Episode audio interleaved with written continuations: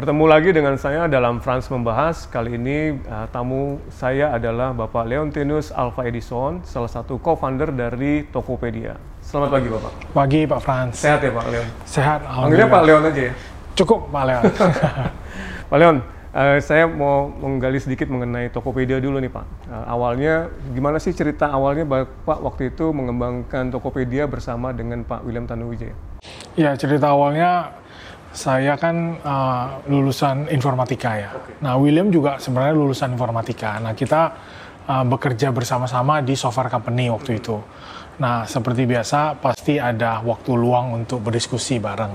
Nah di waktu luangnya kita uh, teman-teman kami di software company tersebut uh, kebanyakan memang lahir dan besar di Jakarta, tapi kami berdua tidak. William kan dari Siantar. Kalau saya lahir besar saya sekolah di di Pontianak kan. Baru uh, universitas saya baru ke Jogja. Nah William ke Jakarta. Nah kami uh, saling sharing ada beberapa hal yang mirip gitu. Uh, cerita-cerita anak-anak dari kota kecil lah gitu. Yang pertama kita kagum banget dengan Jakarta karena uh, apa pun itu pak ya skill apa pun ya tentu saja dibarengi dengan kerja keras ya itu bisa mendapatkan penghidupan yang layak gitu Uh, tapi tidak begitu di kota kecil. Kalau di kota kecil kita lihat generasi orang tua kami terutama ya kebanyakan memang menjadi pedagang toko kelontong lah ya. Uh, levelnya ya UMKM gitu.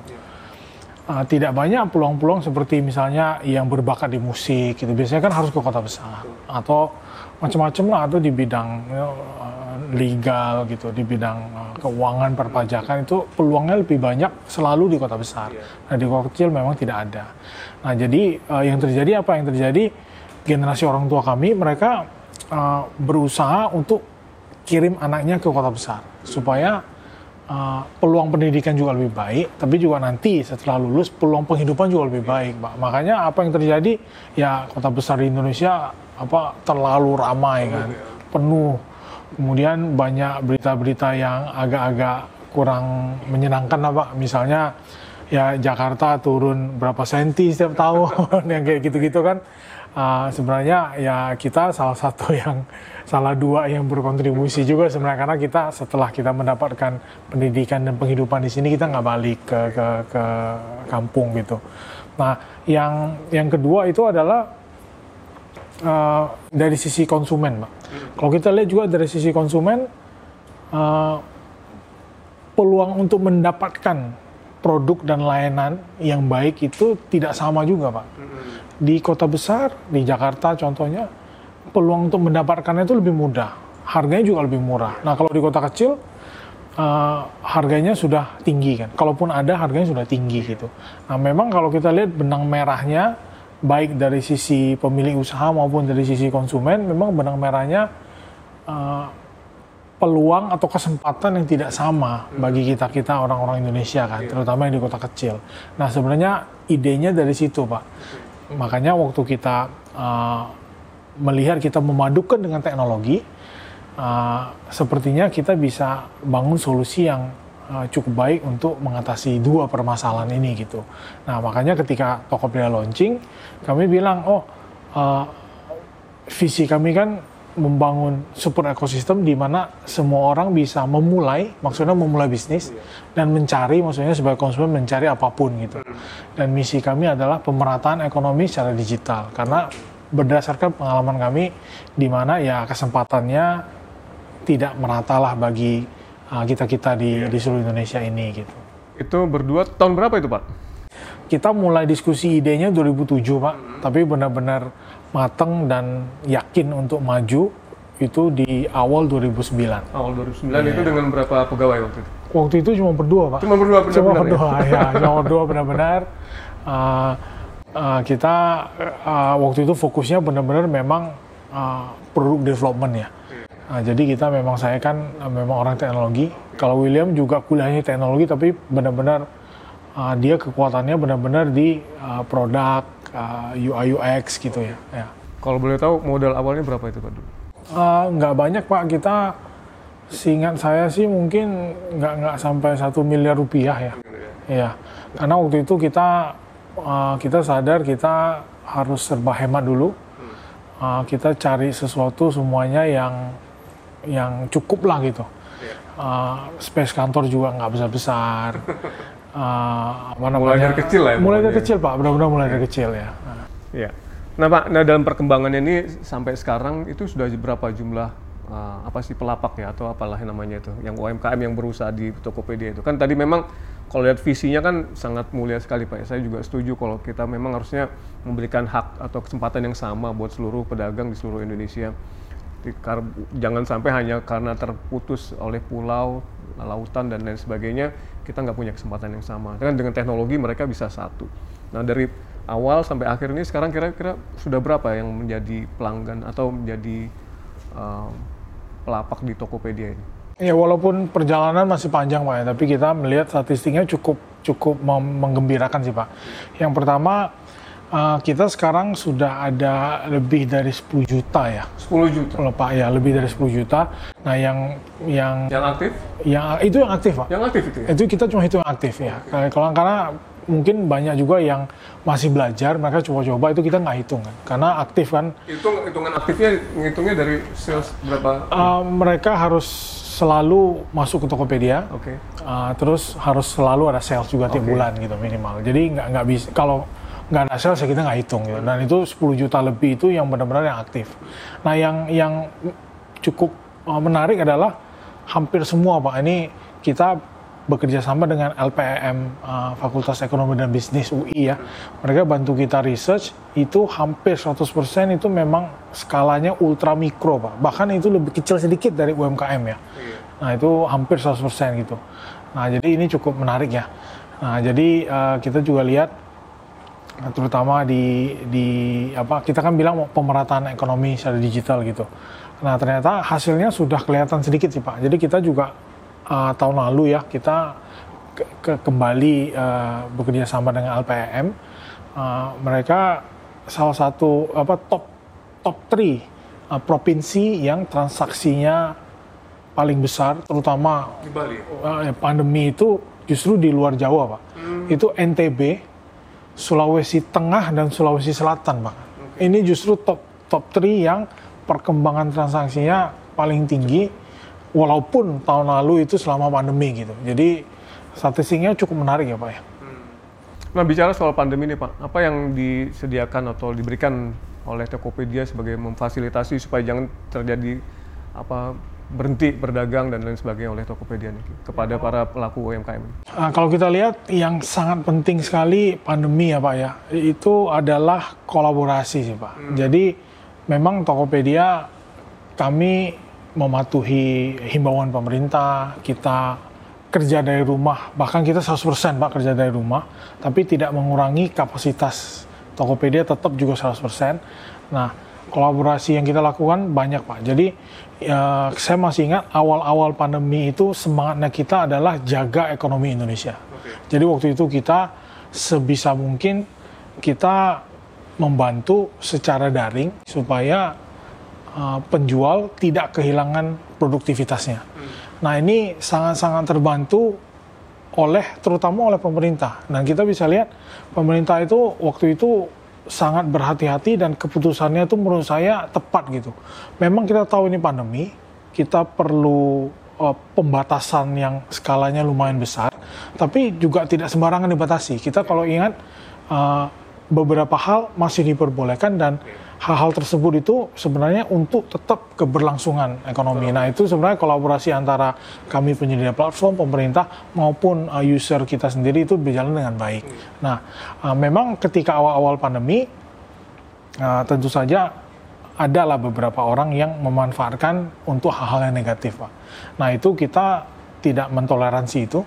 Kita juga uh, berkomitmen. Kita waktu itu sempat menutup banyak sekali. uh, kita menghapus uh, puluhan ribu produk ya dari dari ribuan uh, merchant waktu itu Iya. yang memang memanfaatkan kesempatan dengan cara negatif. Mereka Contohnya apa tuh Pak? mereka markup harga Oh, terutama produk-produk untuk kesehatan pak Iya, untuk kebersihan diri kesehatan diri itu Karena pada saat itu lagi boom banget. pada kan, saat ya? itu lagi boom mereka ya memanfaatkan kesempatan. memanfaatkan apa dengan cara yang kurang baik ya kita kita komitmen untuk tutup itu gitu Itu berdasarkan laporan ya dari dua-duanya pak kita proaktif sweeping tapi kadang-kadang uh, uh, pakai teknologi juga, kita pakai AI sedikit, kita Oke. keyword detection sedikit, tapi tentu saja uh, banyak sekali laporan itu sangat berguna sih Pak. Nah itu itu awal-awal ya Pak. ya. Jadi temanya kita adalah jaga ekonomi Ya, Indonesia. saya ingat dulu warga satu masker kan bisa puluhan ribu ya waktu itu. Iya waktu itu cukup mahal jadi satu box itu mendekati satu juta sempet Iya. ya waktu itu kan. Nah uh, tapi kemudian berjalan uh, setelah mungkin di tengah tahun yang lalu ya uh, kita agak berubah pak mindsetnya. Mindsetnya kita berubah adalah kita mau bukan hanya jaga tapi kita udah mau pemulihan ekonomi Indonesia. Jadi makanya yang kita lakukan uh, seingat saya mulai tengah tahun lalu setelah Lebaran itu kita bikin acara TV namanya WIB kan, Waktu Indonesia Belanja. Nah kita bikin itu kita benar-benar uh, mengajak banyak sekali uh, merchant waktu itu uh, mereka gabung dengan kita. Uh, kita promosiin, kita lihat segmennya yaitu sekitar satu setengah jam tuh segmennya kita beda-bedain. Ada produk tentang ini, ada tentang ini gitu. Kemudian uh, banyak sekali KOL juga yang bergabung di situ. Nah, yang terutama yang juga cukup-cukup kolaborasi yang keren itu dengan pemerintah, Pak. Nah, pemerintah kan berbagai kementerian juga uh, sangat-sangat all out ya mem- uh, uh, mengusahakan pemulihan ekonomi Indonesia. Kita ada bangga buatan Indonesia itu dengan Kemenko Marves. Kemudian Kementerian Perdagangan kita kita bikin ada dua contoh yang sangat sukses itu uh, pasar online ya. Kita ada pasar Cikurubuk itu di di Tasikmalaya saya ingat yang pertama itu kita bikin. Nah, kemudian uh, apa banyak sekali sih kita juga lihat pemerintah juga menyalurkan kur kan Iya. melalui Kemenko Perekonomian gitu. Nah, kita lihat memang awal-awal mer- beberapa merchant mereka terdampak gitu. Tapi setelah usaha-usaha yang kita lakukan ini memang dasarnya mereka merchant yang baik gitu Iya, dan tidak butuh waktu lama performance mereka kembali gitu.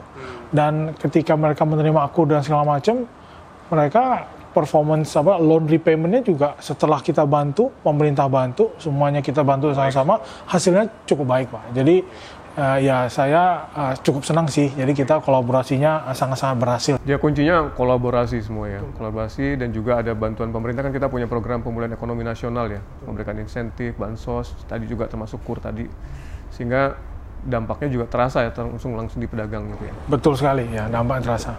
Terus kalau dari sisi masih pandemi pak, itu dampak yang paling signifikan tuh apa ya pak dari sisi uh, Tokopedia, baik yang sisi negatif, tadi kan negatif sudah tuh ada yang pemalsuan dan lain sebagainya. Kalau sisi positifnya apa ya? kira?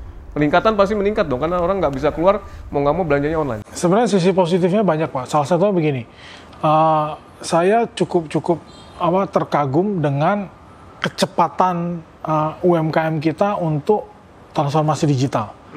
Nah, bukan cuma UMKM sebenarnya. Ada beberapa teman-teman apa pemilik bisnis yang lebih tinggi dari UMKM, mereka pun akhirnya bisa cepat untuk transformasi digital. Nah itu beralihnya itu benar-benar cepat pak, karena eh, salah satu contoh ya sebenarnya sebelum pandemi itu dengan setelah pandemi kita pertambahan jumlah merchantnya cukup banyak dan mereka fasih pak. Mereka eh, saya saya tidak melihat ada kendala yang yang bagaimana bagaimana. Mereka itu ketika eh, mencoba untuk bertahan, mereka mulai kontak kita, kita juga datengin, kita ngobrol. Wah mereka mindsetnya cepat sekali untuk bisa uh, menyesuaikan, mereka transformasi gitu.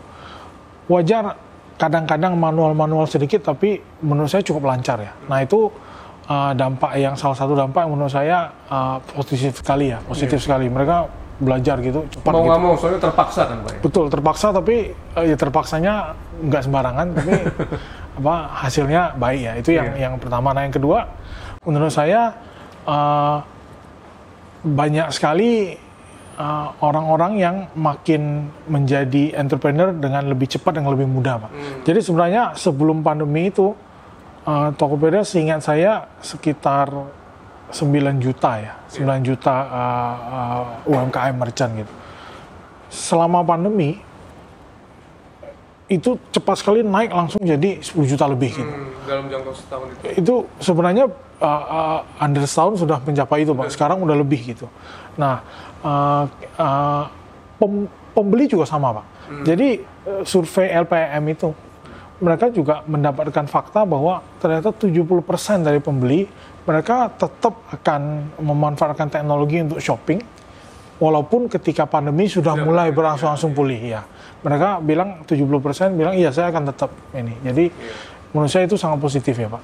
Ya, jadi secara berangsur-angsur juga budaya untuk belanja secara online udah mulai berkembang seiring dengan pandemi ini justru ya, Iya betul Pak. malah lebih positif.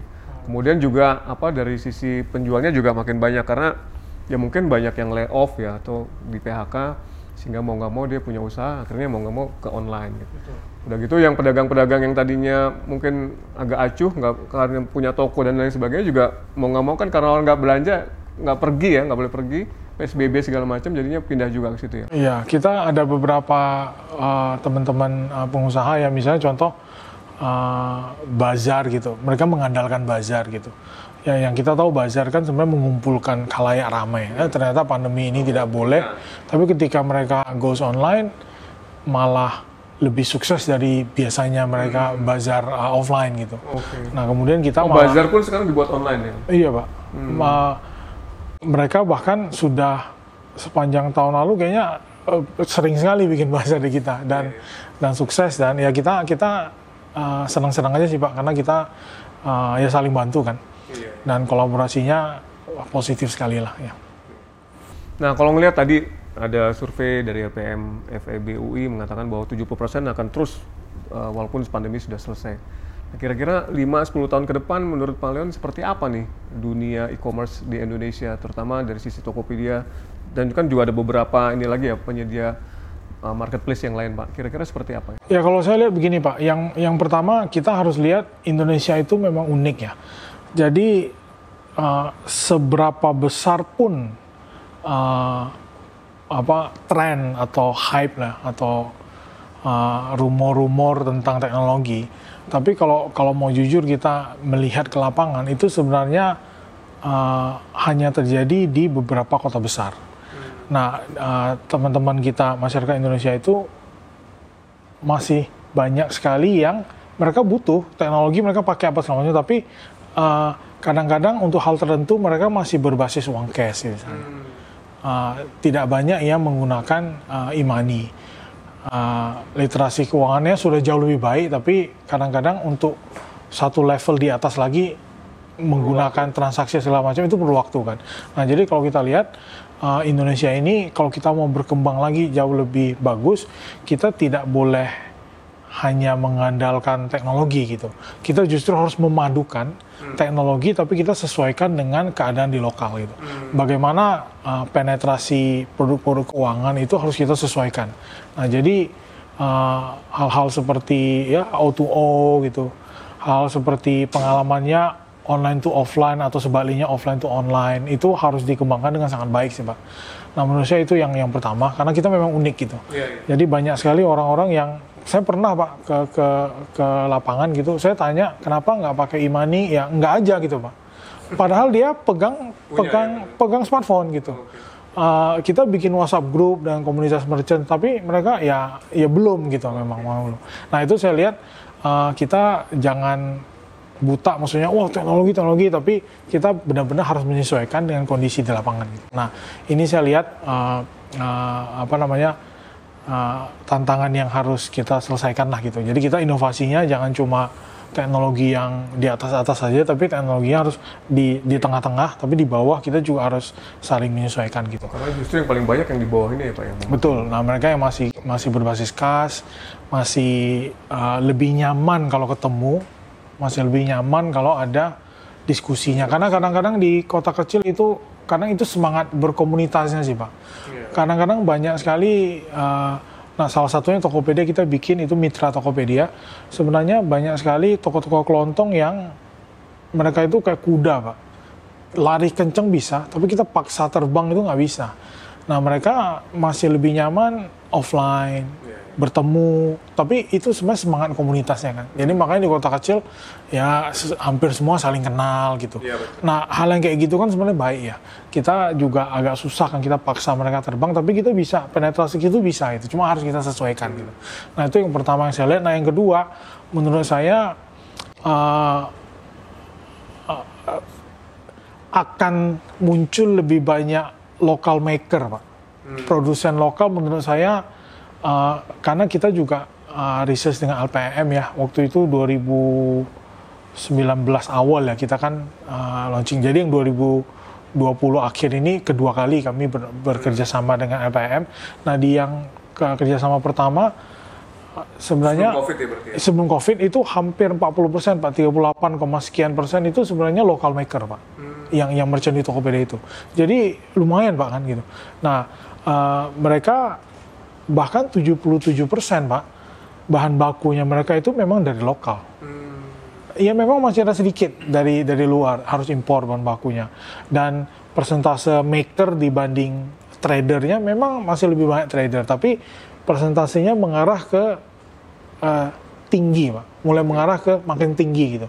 Nah saya eh, saya yakin sih pak 5 sampai 10 tahun ke depan Indonesia itu akan makernya ini akan makin banyak Makin gitu. banyak. Makernya akan makin banyak karena eh, apa namanya teknologi juga berkembang kan. Dan Terus pasarnya juga makin pasar luas juga ya? berkembang. Terus ya pendidikan menurut saya juga akan berkembang karena mungkin akan lebih banyak uh, anak-anak muda Indonesia yang uh, ketika nanti mereka sekolah atau kuliah uh, makin banyak yang ngambil jurusan-jurusan yang bisa mendukung apa produksi gitu.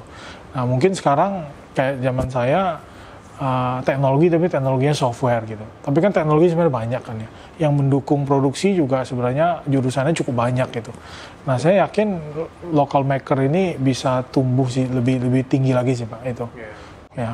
Berarti nanti Indonesia akan banyak lebih banyak menggunakan produk lokal juga berarti ya. Harapannya begitu. Jadi nggak banyak import barang-barang inilah ya untuk buat modal. Iya karena karena kita mampu kok pak. Tapi memang uh, kita butuh ya tadi kolaborasi kan kita sama-sama gitu dorong ke sana. Oke. Pak Leon terakhir nih Pak terkait dengan Tokopedia gitu. Kan udah hampir 11 tahun, 12 tahun lah ya berarti ya sejak awal berdirinya. Ada pengalaman yang paling mengesankan Pak da- dari selama ini. Terutama kan tadi misinya emang untuk apa meng mengindonesiakan semua para pedagang itu dalam satu ekosistem yang sama, punya kesempatan yang sama. Ada pengalaman nggak Pak yang kira-kira wah saya berhasil nih atau seperti apa gitu? Ya saya yakin uh, saya atau William tim Tokopedia yang lain pengalamannya banyak pak. ya. Kalau saya pribadi begini, uh, dulu sekali pak uh, awal-awal Tokopedia saya ingat ada satu merchant dia dari Cirebon. Nah dia tiba-tiba dia kirimin pesan lewat WhatsApp ke saya. Eh bukan ya, waktu itu Facebook sorry, Facebook. Dia bilang, Pak Leon, uh, saya mau kredit, uh, saya mau bikin gudang gitu. Nah, tapi salah satu syarat kreditnya adalah dia harus bisa menunjukkan apa perjanjian sewa tempat berusaha gitu. Jadi mungkin ada di kota kecil ya dan waktu itu kan masih awal-awal sekali ya orang masih belum apa online itu masih belum belum menjadi hal yang ngetren lah. Uh, uh, semua orang masih beranggapan kalau saya berusaha atau berbisnis pasti ada tempat usahanya. Nah, karena ada tempat usahanya antara milik saya atau saya sewa kan. Nah, butuh dilampirkan itu. Nah, dia dia bilang ke ke petugas banknya, "Pak, saya online, Pak. Mana ada yang kayak gitu-gitu." Nah, terus akhirnya dia pinter kan, dia inisiatif dia kirim uh, pesan dari Facebook ke saya. Uh, dia bilang, "Bisa nggak ya Tokopedia bikin surat deh atau gimana?" Oh, saya bilang, "Ya udah sini saya bikin." Kita tulisin gitu bahwa ya memang benar ini bergabung dengan Tokopedia sejak kapan, apa penjualannya adalah ini ini ini. Terus saya tanda tangan gitu. Nah, akhirnya disetujui Pak kreditnya. Oh, dia senang banget. Jadi waktu sempat Tokopedia Roadshow termasuk ke Cirebon kan saya ke sana juga. Saya ketemu sama dia, oh dia senang banget. Jadi apa dia malah jadi tour guide kita makan-makan di, di Cirebon gitu. Nah itu itu mengesankan sih Pak. Yang, nah yang kedua sekali lagi di kota kecil Pak ya saya saya lupa kayak Purwokerto ya waktu itu. Eh, karena di kota kecil itu kadang mereka kan serba terbatas Pak ya. Tapi yang saya kagum tuh semangatnya Pak. Itu ada satu suami istri yang mereka tuh awalnya kerja, terus dia tahulah dia butuh menambah ekonomi keluarga lah ya. Jadi memang dua-dua mereka berdua suami istri itu sudah mulai pikirkan bagaimana caranya usaha kecil-kecilan di luar sampingan lah ya. Nah, di luar pekerjaan utama mereka. Nah, tapi setelah mereka yakin dengan online dan di Tokopedia, mereka benar-benar berhenti Pak waktu itu. Dia bilang ke saya, saya baru berhenti Pak. Istrinya sih mungkin udah berhenti agak lama, tapi suaminya waktu itu masih kerja. Dan dia bilang, saya baru berhenti. Baru baru aja dia bilang, baru satu dua bulan lah. Dia bilang. Uh, bahkan dia bilang, uh, apa sewa tokonya, rukonya segala macam, dia juga berhentiin. Dan dia bilang saya di rumah aja, saya pakai laptop, uh, terus apa barang-barang uh, produksi lokalnya mereka mereka juga tumpuk di rumah aja. Dia fokus ke sana, dia bilang saya malah malah lebih sukses sekarang. Uh, dia bilang lebih ini, dia bilang dia nggak nggak merasa berkekurangan, dan, tapi dia malah, malah merasa lebih gitu. Nah, waktu yang berkesan gini Pak, waktu dia ceritanya itu loh, dia cerita ke saya itu mukanya itu cerah banget gitu. Jadi saya sampai ngerasa, wah ini kota kecil tapi semangatnya itu gila sih. Jadi waktu itu, waktu itu kan kayaknya sih tahun 2014 lah ya. Jadi kadang-kadang kan gini Pak, kita kan di kantor ya kita punya visi misi gitu, kita kerja itu, kita melihat perkembangannya itu cuma dari statistik angka-angka. Begitu kita ke lapangan, kita bertemu ternyata orang yang gitu, kita senangnya itu, wah senangnya, senang banget deh waktu itu. Iya, itu itu ya saya pribadi ya, ada dua cerita nih sih. Nah cerita yang lain kita juga Tokopedia bikin banyak success story ya, uh, seller story, success story. Nah salah satu yang juga saya ngelihat terharu itu juga ada yang dia apa pedagang kopi pak. Tapi dia itu eh, kota kecil kan dia cari sinyalnya susah gitu. Hmm. katanya dia sampai kalau ada yang order itu dia sampai kumpulin karung gitu dia mesti bawa sampai ke kota besar cuma untuk bisa ngirim gitu. Hmm. karena karena memang uh, jaringan uh, logistik dan fulfillment kadang-kadang di kota kecil kan masih nggak banyak. Mereka harus jalan agak jauh gitu ke kota kota yang agak lebih besar ya. Nah itu juga saya saya melihat perjuangannya sih yang yang yang apa uh, ya uh, kita senang campur terharu juga lah ya.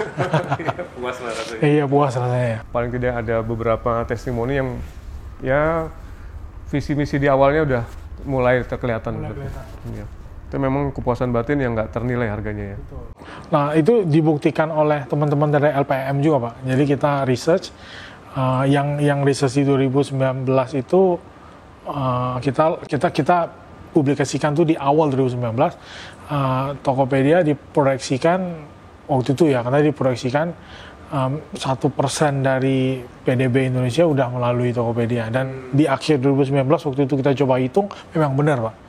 Dan satu persen lebih. Jadi ya ya teman-teman UI kan apa mereka metodologinya juga bagus ya akurat. gitu. Dan ternyata prediksi mereka akurat gitu. Ya mudah-mudahan nanti akan tambah besar lagi Pak.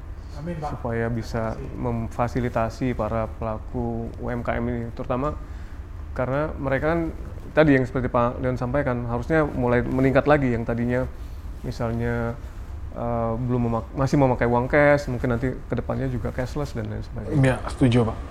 Makasih banyak nih Pak Leon. Sama-sama Bincang-bincangnya sukses selalu ya Pak. Terima kasih sudah mengundang Tokopedia Pak. Iya Pak. Sampai Amin. ketemu lagi Pak. Sampai ketemu Pak.